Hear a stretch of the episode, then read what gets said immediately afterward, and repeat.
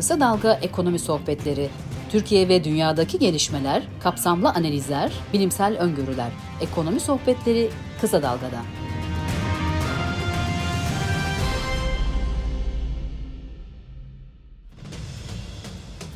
Kısa Dalga Ekonomi Sohbetlerinden merhaba. Kısa Dalga yeni yayın dönemine başladı. Güçlü bir kadroyla önemli analizler, haberler, video programları ve podcastlerle karşınızda olacağız.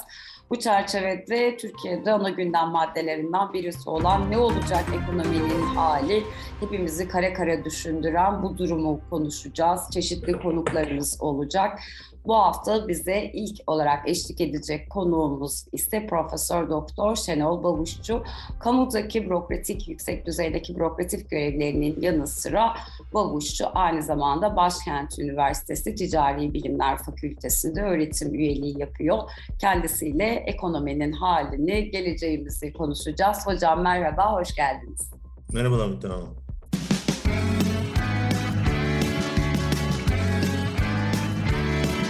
Kulağınız bizde olsun. Kısa Dalga Podcast.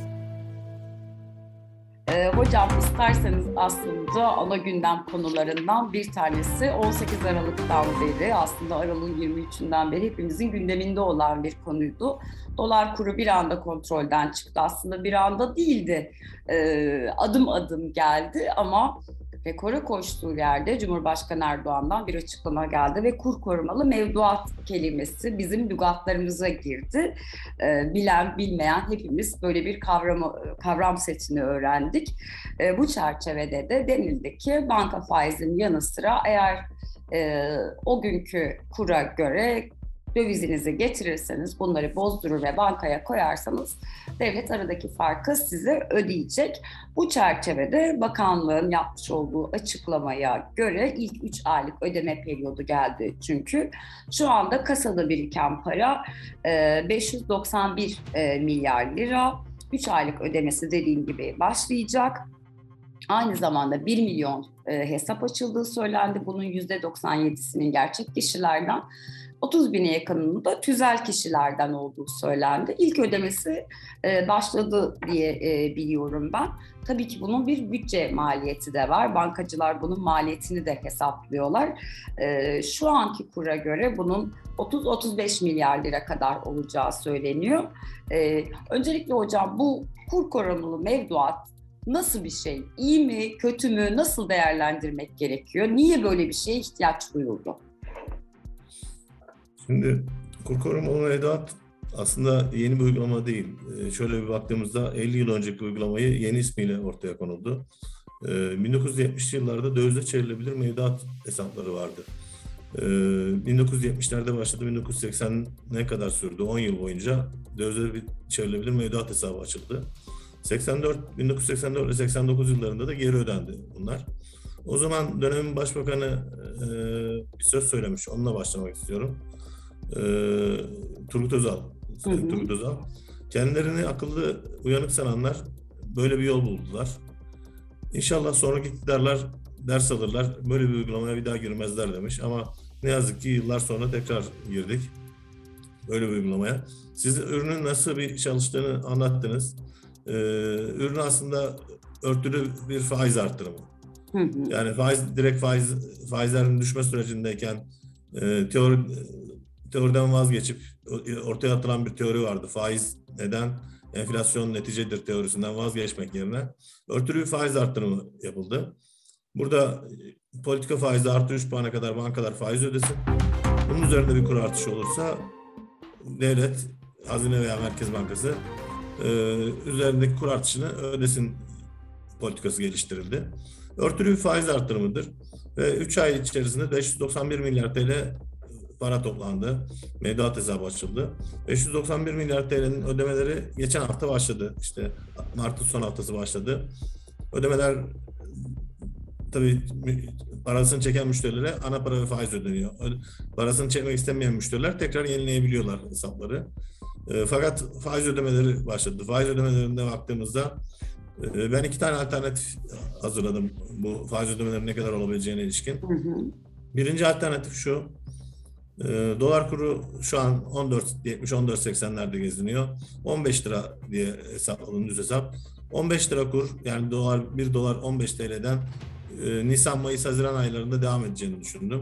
Aynı kur devam ederse ki devam edeceğini sanmıyorum ama iyimser tahminle devam ederse e, 43 milyar TL'lik bir faiz ödemesi ortaya çıkıyor bu hesaplardan 591 milyar TL'lik hesaptan. E, eğer kurda bir değişim olursa onu da şu ikinci alternatif olarak şöyle hesapladım. Nisan ayında 15 lira dolar kuru. Mayıs ayında 15.50, 15.5 lira. Haziran ayında 16 lira olarak olduğunu varsayım altında. 591 milyar TL'lik kur korumalı mevduat hesaplarına ödenecek rakam 62 milyar TL çıkıyor. Şimdi ortalamasını alırsak yaklaşık 50 milyar TL civarında bir ortalama ödeme çıkacak. 40 ile 60 milyar TL civarında, 40 ile 60 arasında bu rakam. Bu 3 aylık rakam. Yıllık rakam bunun da çarpı 4 olacak ve 200 milyar TL'yi aşan bir hazineye yük biniyor. Hazineye yük binmesi demek biz vatandaş olarak vergilerimizle hazineye ödeme yapacağız. Bizim vergilerimizi mevduat sahiplerine hazine aktaracak. Veyahut da Merkez Bankası para basarak, Merkez Bankası para basarak aktaracak bu mevduat sahiplerine. Her ikisi de enflasyonist etki yaratacak. Ee, Merkez Bankası'nın para basması, piyasaya vermesi e, enflasyonist etki. Zaten hem neredeyse hiper enflasyona doğru giden bir ortamda e, enflasyonist etki. Hazinenin ödemesi bütçe açıklarını artıracak. Bütçe açıkları yine enflasyonist e, etki yapacak. Rakamın büyüklüğünü göstermek için söylüyorum. 2021 yılı bütçe açığı rakamı 198 milyar TL'ydi. Pardon 192 milyar TL'ydi. 2021 yılı bütçe açığı. Yani 2021 yılı bütçe açığı kadar bir rakam ortaya çıkıyor. Ve bu sadece Belki buraya ödenecek para üstelik yani hani diğer bütçeye yük olacak başka kalemler de var tabii. Yani Kesinlikle. sadece kur korumalı mevduatın bir yıllık ödemesinden geçen yılın bütçe açığı kadar ya da onun üstünde bir yük geliyor hazineye. Doğru evet, mu anladım? En az, en az o kadar gelecek açık olarak. Bu senenin bütçe açığı tahminen 278 milyar TL tahmin ediliyor. Bu senenin bütçe açığının üzerine bu rakamı koyarsak 200 milyar TL'yi bütçe açığı rakamı 278'den yaklaşık 500 milyar TL'ye kadar çıkmış olacak ki çok ciddi rakam. Bu seneki bütçe açığını neredeyse ikiye katlayan bir rakam ortaya çıkıyor. Bunun tabii e, enteresan tarafı enflasyonist etkileri olduğu kadar vatandaşın üzerine yük, fakirlik, yoksulluk olarak dönecek. Hocam ee, bu konuda şöyle bir tartışma da yapıldı hatta e, bunun bir servet transferine de kapı açtı. Yani parası olanlar, doları ya da eurosu olanlar, altını hatta altına da hani bir e, kapı aralandı ama sanıyorum o kadar rağbet görmedi. E, yani şu söylendi, siz zaten yoksul olan, parası olmayan, yani dolar geliri olmayan insanlar var bu ülkede. E, bir de olanlar var ve bazılarında bu miktar bir hali de fazla.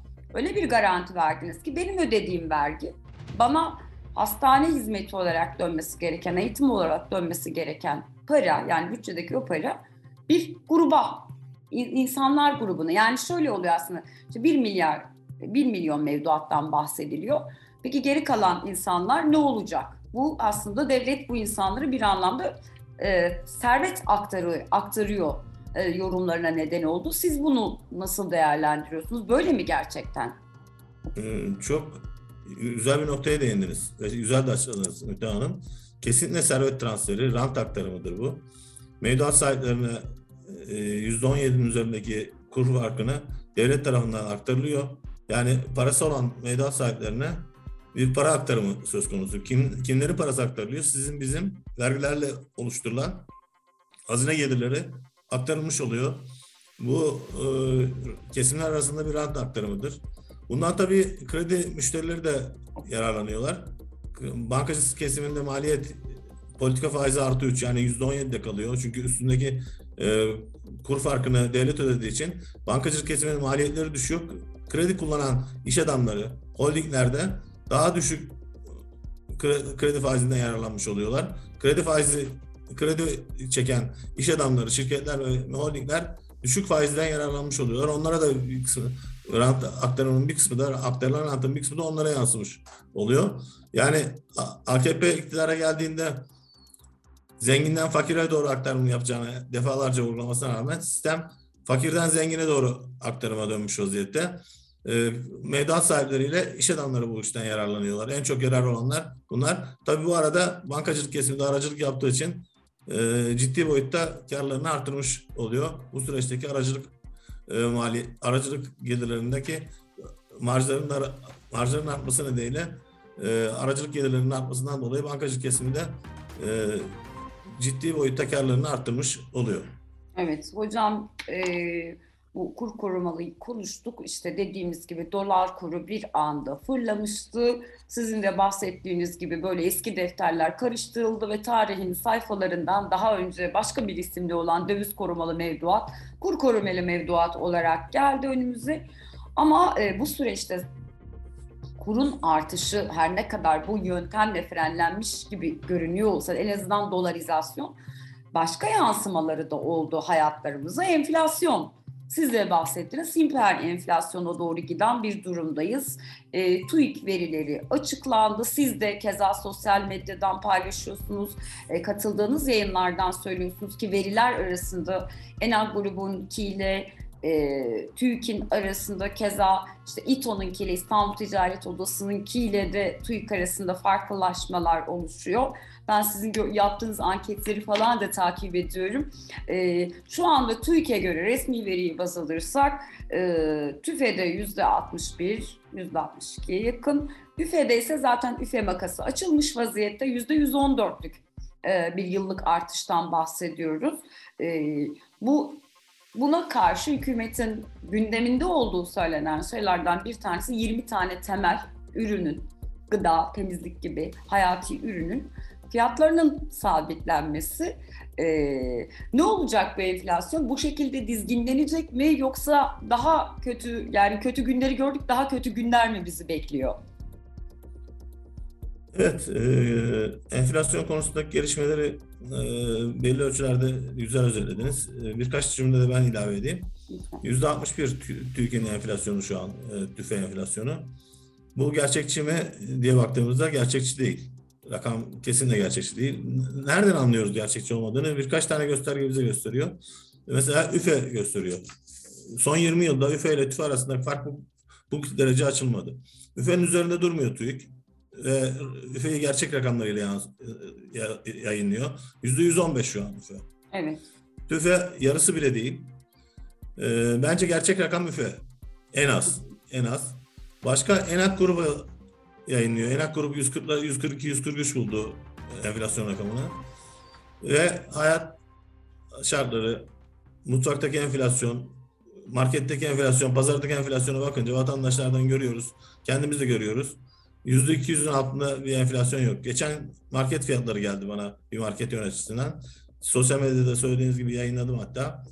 13 tane sebze ve meyvenin geçen yılki Nisan fiyatıyla bu seneki Nisan ayı fiyatlarına baktığımızda %235 artış var.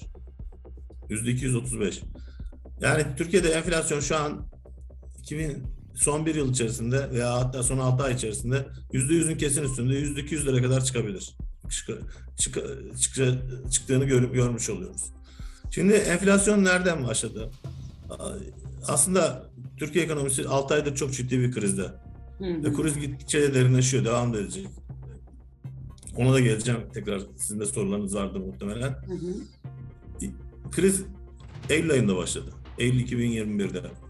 Hatta 23 Eylül 2021'de başladı. Niye 23 Eylül 2021'de evet, başladı? Evet, onu soracaksın hocam. Niye? Yani ama, gece ve gündüz eşit oluyor. Orayla alakalı Ekinoks'a mı gönderme yapacaksınız acaba diye bir düşündüm ama yok, o değil herhalde. Yok, Sayın Cumhurbaşkanı Eylül ortalarında bir söz ortaya attı. Bir teori dedi. Bir teori demeye dilim varmıyor ama e, söz şuydu. Detayını çok da fazla bilmesek de faiz neden? Enflasyon neticedir dedi. Ve bunu hükümet yönet, iktidar yönetimine, hükümet yönetimine, ekonomi yönetimine kabul ettirdi. Merkez Bankası'na başta kabul ettirdi. Merkez Bankası Para Politikası Kurulu Eylül ayı toplantısının 23 Eylül'de yaptığı ve ilk faiz indirimini gerçekleştirdi. %19 olan faizi %18 indirdi.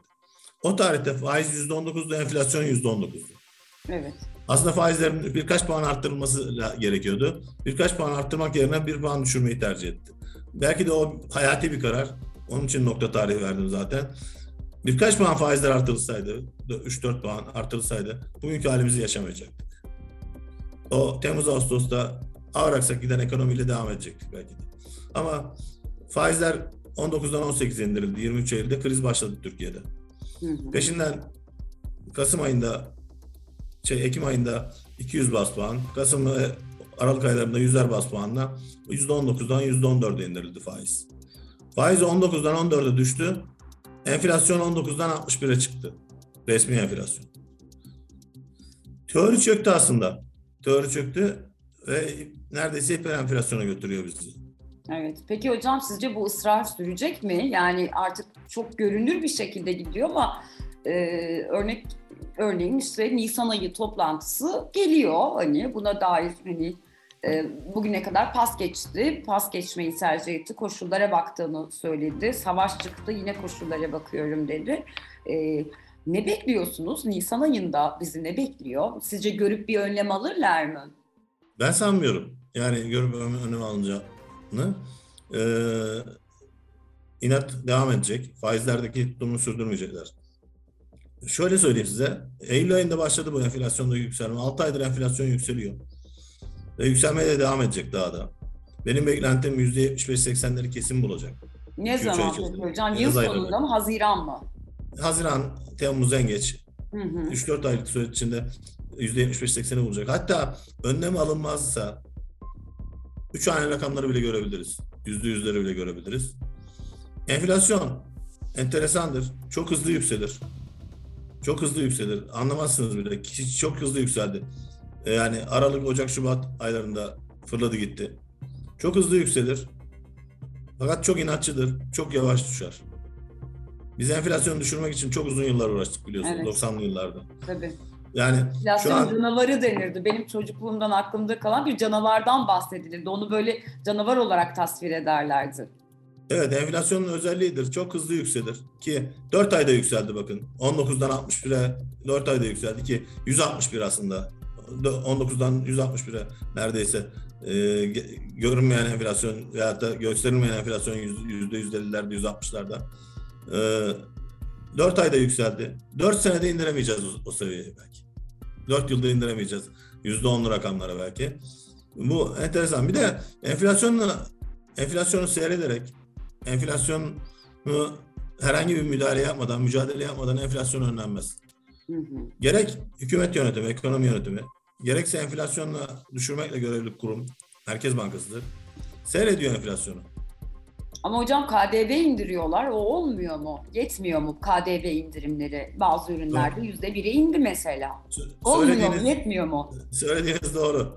Enflasyonla mücadelede son 6 aydır ne yapıldı diye kendi kendime soruyorum. Bir tane cevap verdiniz siz. Bir, KDV indirimleri yapıldı 3-5 maddede. 3-5 tane gıda maddesi, 3-5 tane temizlik üründe KDV indirimi yapıldı. Bu KDV indiriminin etkisi enflasyona %0.5, %1. %60-70'in olduğu, enflasyonun olduğu bir ülkede %1 etkisi olsa ne olacak? Bir. Evet. İki, market timleri kuruldu. Marketler basıldı. Üç, şey yapıldı. Marketlere ceza kesildi. Evet. Marketler suçlandı. Etiket avcılığına çıkıldı bir anlamda. Sanki istifçilik yapılıyor denildi. İşte bu özellikle Evet. yağ krizinde gördük. Sürekli bir de krizler görüyoruz. Şeker oluyor, bu yağ oluyor. Bir sanki şey de bekleniyor. Bir kıtlık korkusu da var herhalde ama marketlerden değil diyorsunuz. Yani market sahiplerinin açgözlülüğü değil galiba diyorsunuz siz tek başına. Başka bir şey var burada. Alakası yok. Yani bunlar yapıldı. Üç, üç tane madde bunlar enflasyon etkileniyor. Ha dördüncü olarak TÜİK Başkanı değiştirildi. Başkan yardımcıları değiştirildi. Enflasyonla mücadele kapsamında. Ve Ben şunu söyleyeyim size.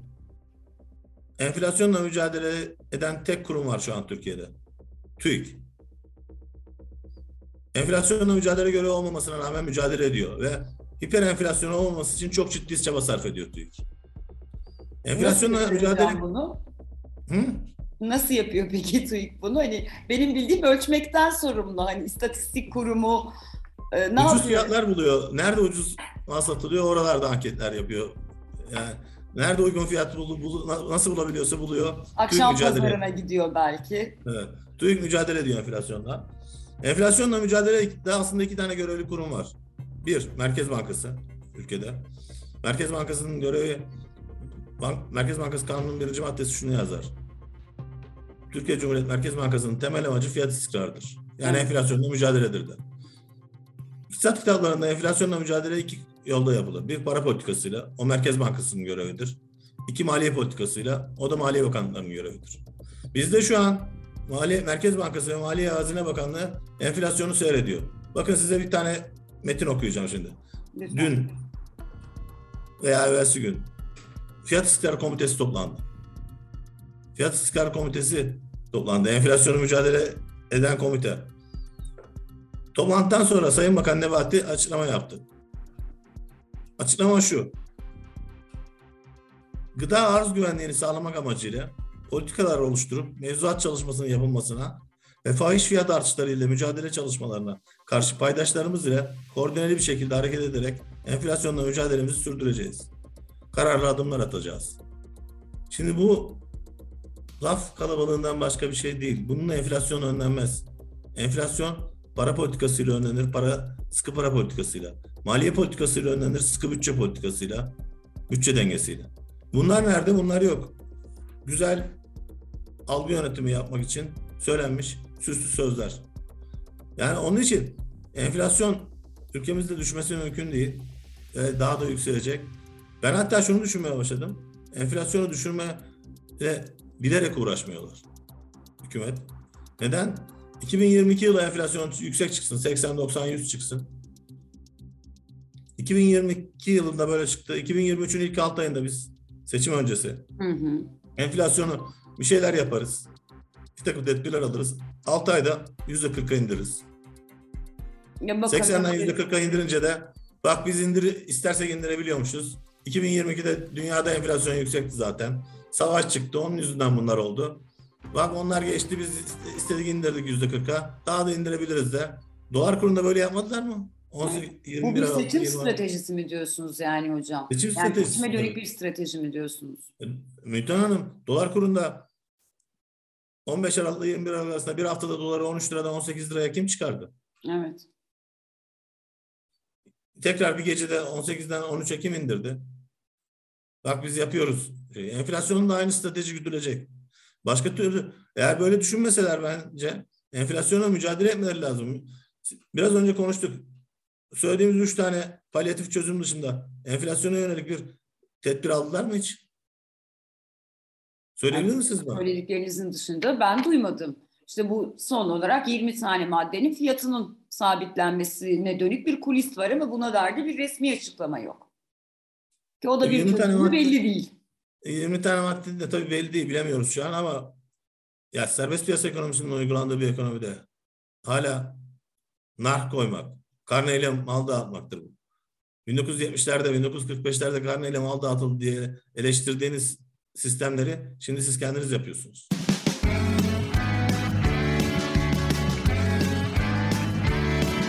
Kulağınız bizde olsun. Kısa Dalga Podcast. Evet bir de hocam bu da yine o bahsettiğimiz kurdaki gibi hani dedik ya bir servet aktarımı. Şimdi örnek veriyorum siz dediniz ki bebek mamasını sabitledik temel hani bir çocuğun ya da bebek bezini. E, Bu fiyat sabitlendiğinde şimdi ben bir asgari ücretli olarak gidip marketten o fiyatı alacağım ama benim 5 katım 10 katım asgari ücret de öyle düşük bir şey. 5 katı deyince hani böyle 100 bin falan olmuyor. Hani 20 bin diyelim. Hani 20 bin alan birisi de 100 bin kazanan da aynı fiyatı alacak. Bu yine Bir de şu var. Sizin bebeğiniz var. Benim, değil mi?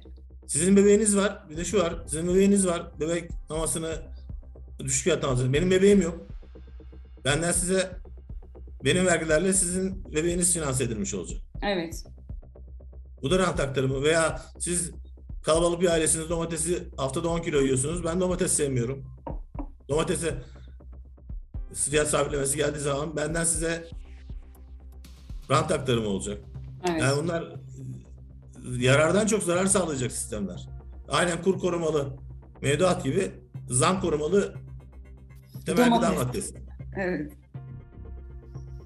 Peki hocam e, bu şeyi bahsettik. Dedik ki hani daha da e, zor günler bizi bekliyor. İşte kur korumalarının getirdiği yükten bahsettik. Bir de bunun aslında borçlar cephesi var. Şimdi ücret toplumda duyduğumuz insanlar diyorlar ki yani aldığımız ücretle işte bu ayki enflasyon verilerine dikkat aldığımızda Aralık ayında belirlenmiş olan Ocak ayı maaşlarına yansıyan asgari ücretin 1000 lirası, emekli aylığının 500 lirası buhar oldu gitti bile.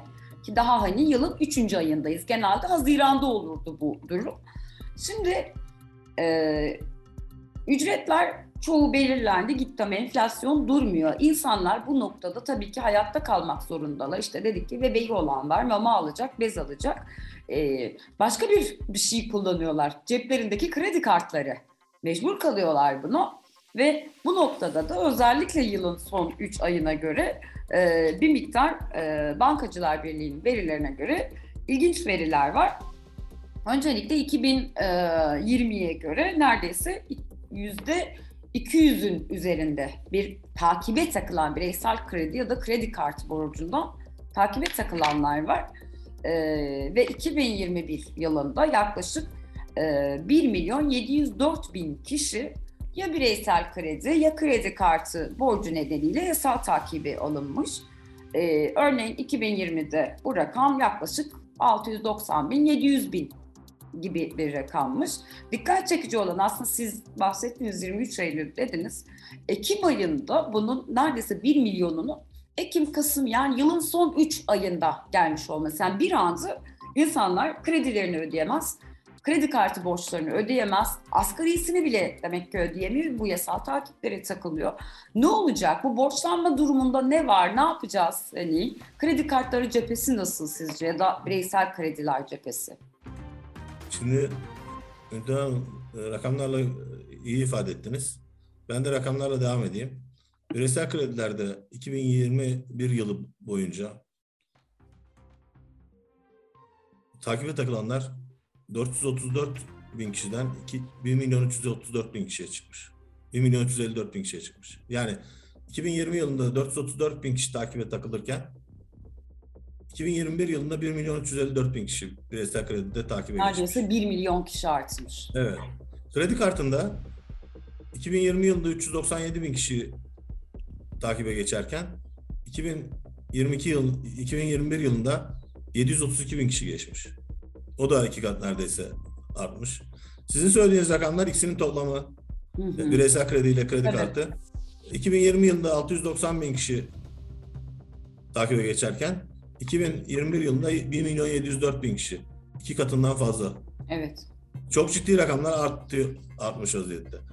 Bu rakamları 2021 ve 2022 Ocak olarak kıyaslarsak, Ocak verileri açıklandı henüz daha. Bir aylık yani.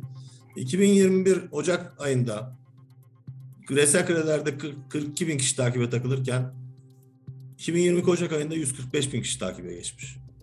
42 binden 145 bine çıkıyor rakam. 3 katından fazla.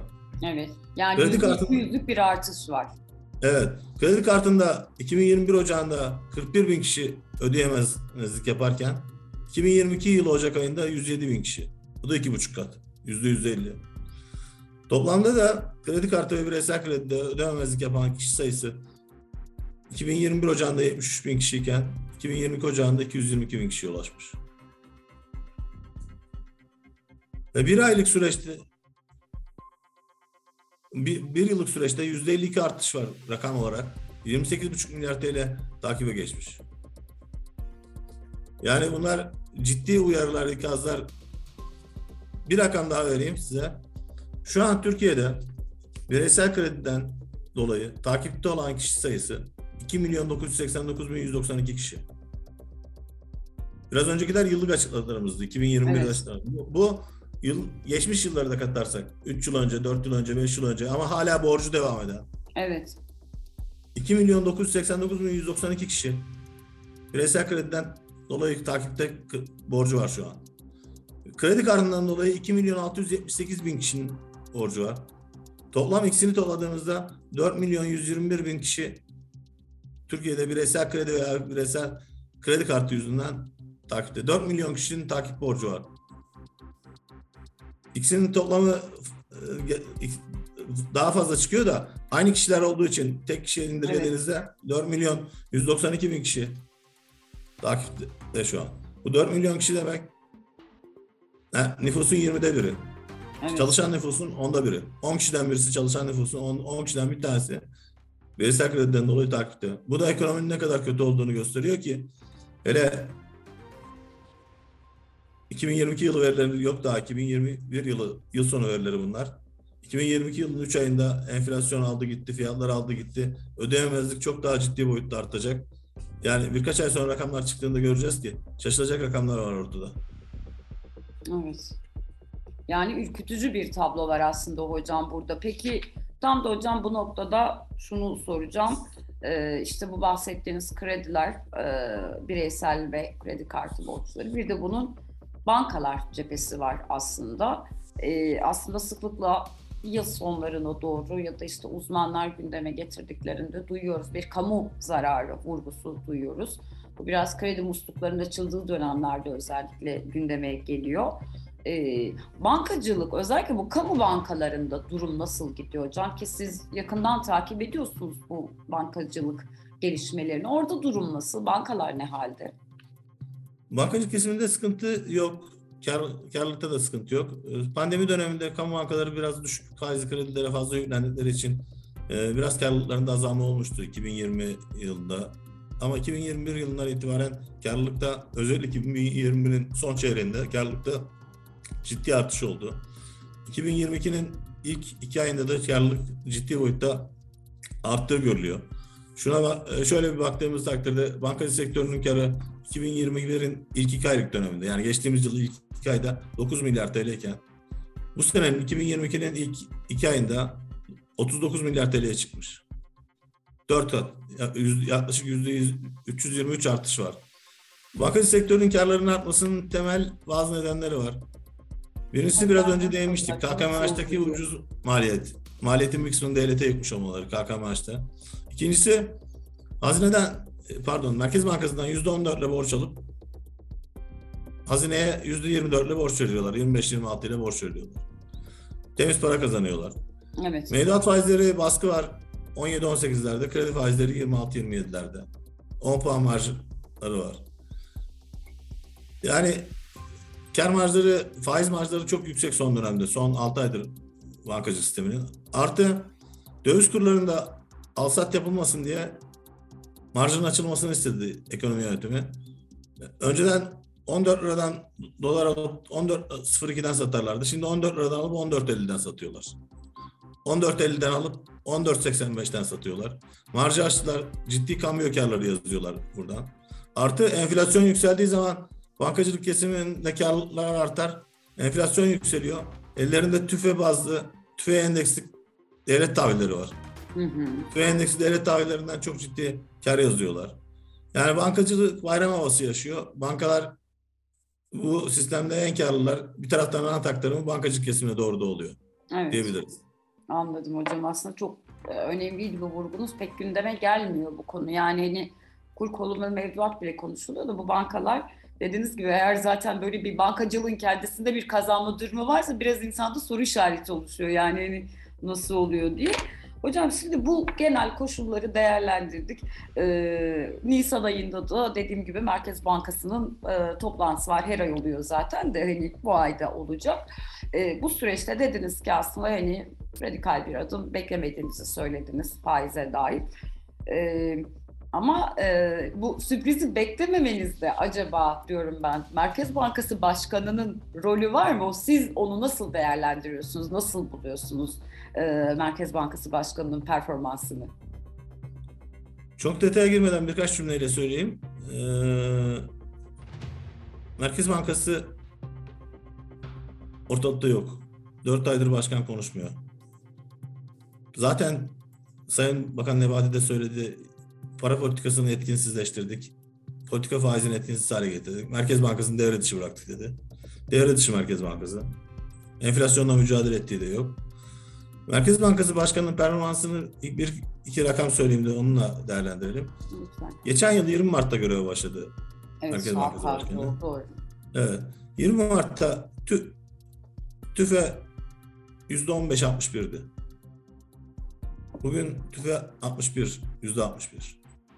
Tam 4 katına çıkmış vaziyette. Bir yıl içerisinde 4 katına çıkardı. fiyat istikrarını sağlamakla kurumun başındaki başkan. Ama faizleri yes. düşürdü hocam yani. Şimdi hakkını da yemeyelim. Faizleri de düşürdü. Zaten o iddiayla da gelmişti kendisi. Faizleri de kendisi düşürmedi. Faizleri düşür dendi, talimatı uyguladı. Karar merci olmaktan çıktı Merkez Bankası. Merkez Bankası talimatları uygulayan, bağımsızlığını kaybeden bir kurum haline geldi. ÜFE, Üretici Fiyatları Endeksi. 20 Mart 2021'de %27 idi. Şu an %112, 114. Bir rakam daha söyleyeyim. Geçen yıla ilişkin. Merkez Bankası Başkanı'nın göreve başladığı tarihte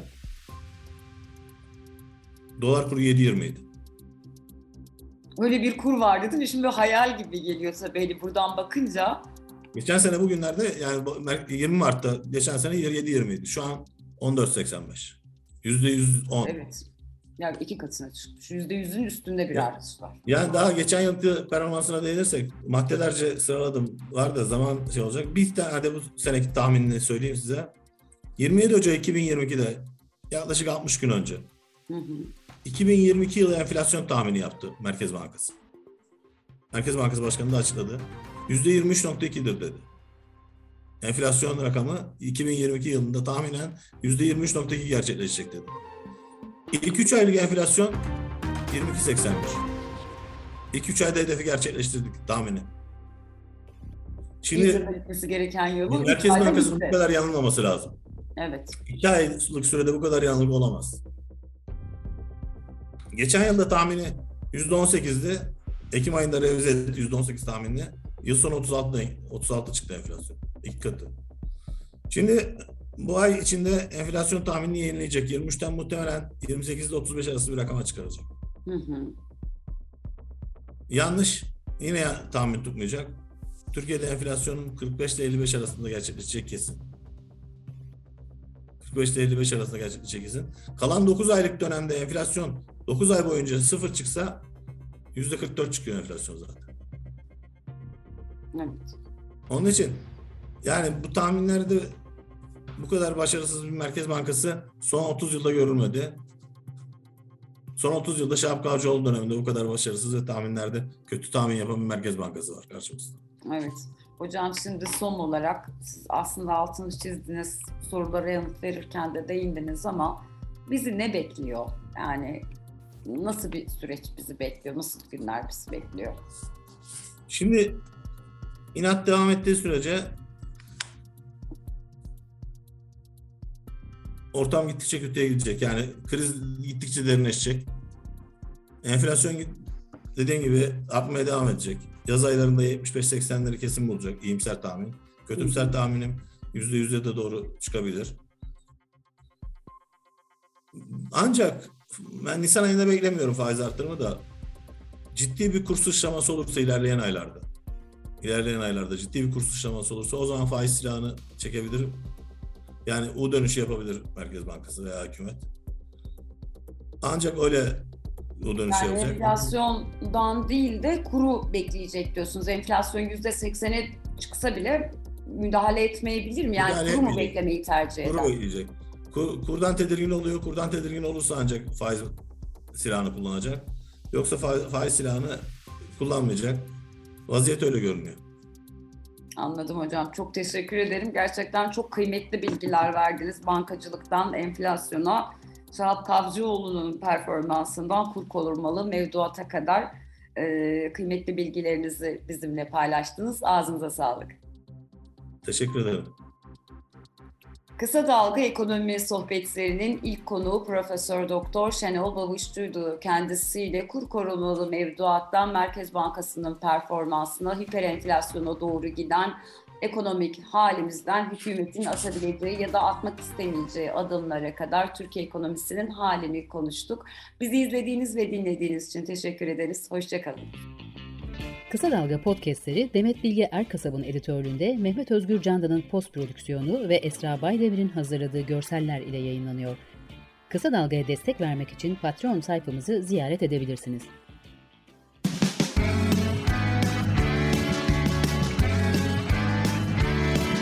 Kulağınız bizde olsun. Kısa Dalga Podcast.